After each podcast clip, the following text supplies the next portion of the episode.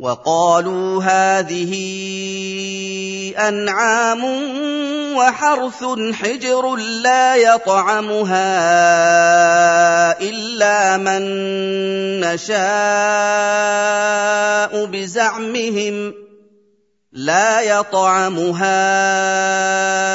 إلا من نشاء بزعمهم وأنعام حرمت ظهورها وأنعام حرمت ظهورها وأنعام لا يذكرون اسم الله عليها افتراء عليه. سيجزيهم بما كانوا يفترون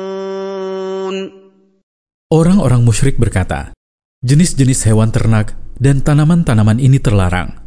Tidak ada yang boleh memakannya selain orang-orang yang mereka kehendaki.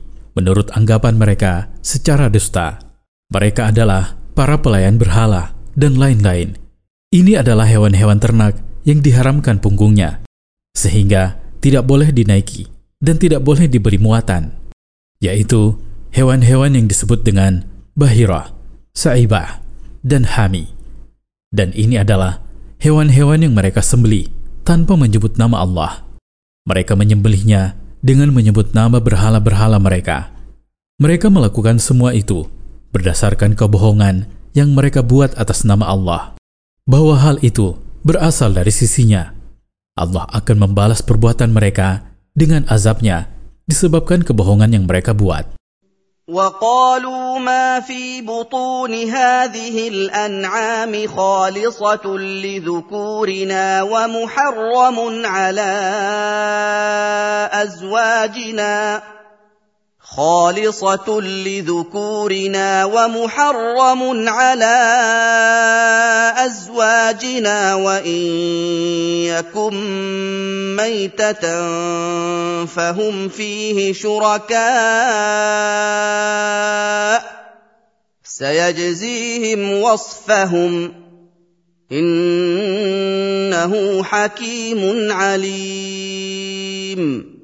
Dan mereka berkata, Janin yang ada di dalam perut hewan saibah dan bahira, jika lahir dalam keadaan hidup, maka janin itu halal bagi laki-laki kami, namun haram bagi wanita kami.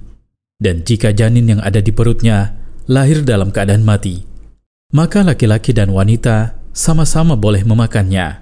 Kelak, Allah akan membalas perbuatan mereka akibat ucapan mereka itu. Sesungguhnya, Allah Ta'ala maha bijaksana dalam menetapkan syariatnya dan mengatur urusan makhluknya, lagi maha mengetahui perihal mereka.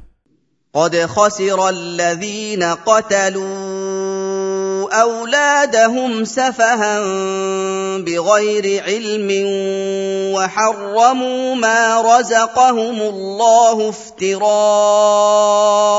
على الله قد ضلوا وما كانوا مهتدين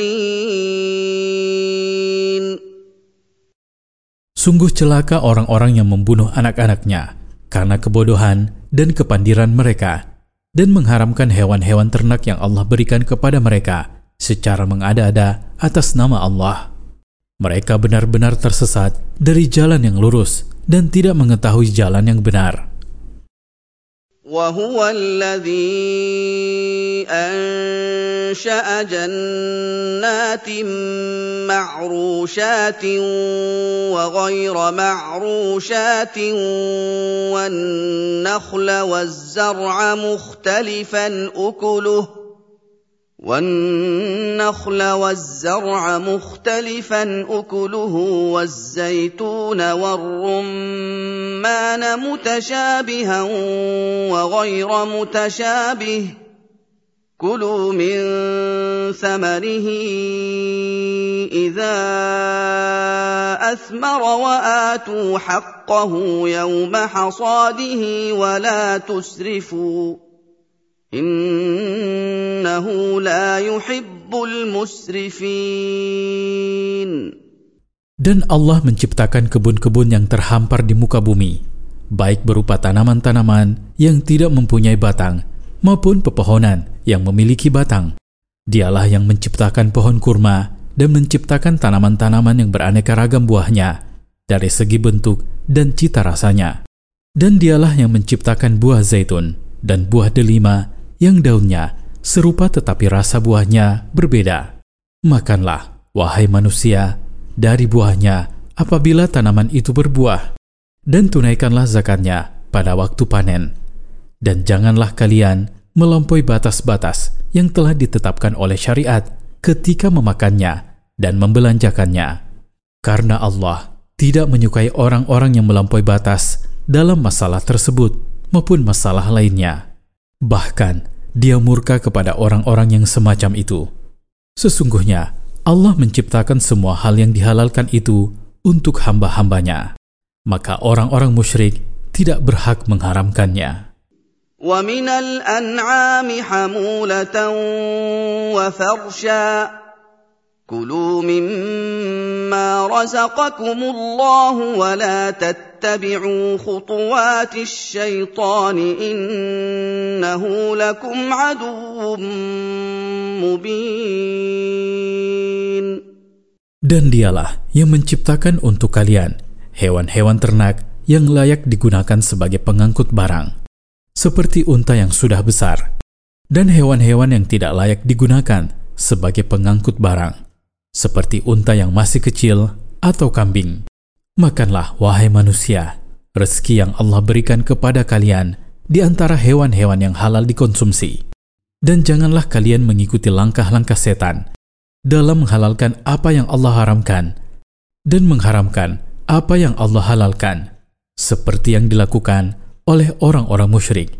Sesungguhnya setan itu bagi kalian, wahai manusia, adalah musuh yang nyata permusuhannya Setan menginginkan agar kalian senantiasa durhaka kepada Allah.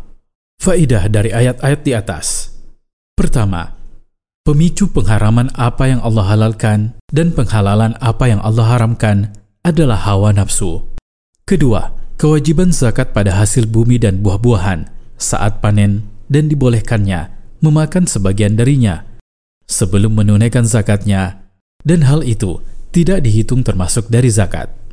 Ketiga, menikmati apa-apa yang baik tanpa berlebih-lebihan dan melampaui batas dalam makan dan berinfak.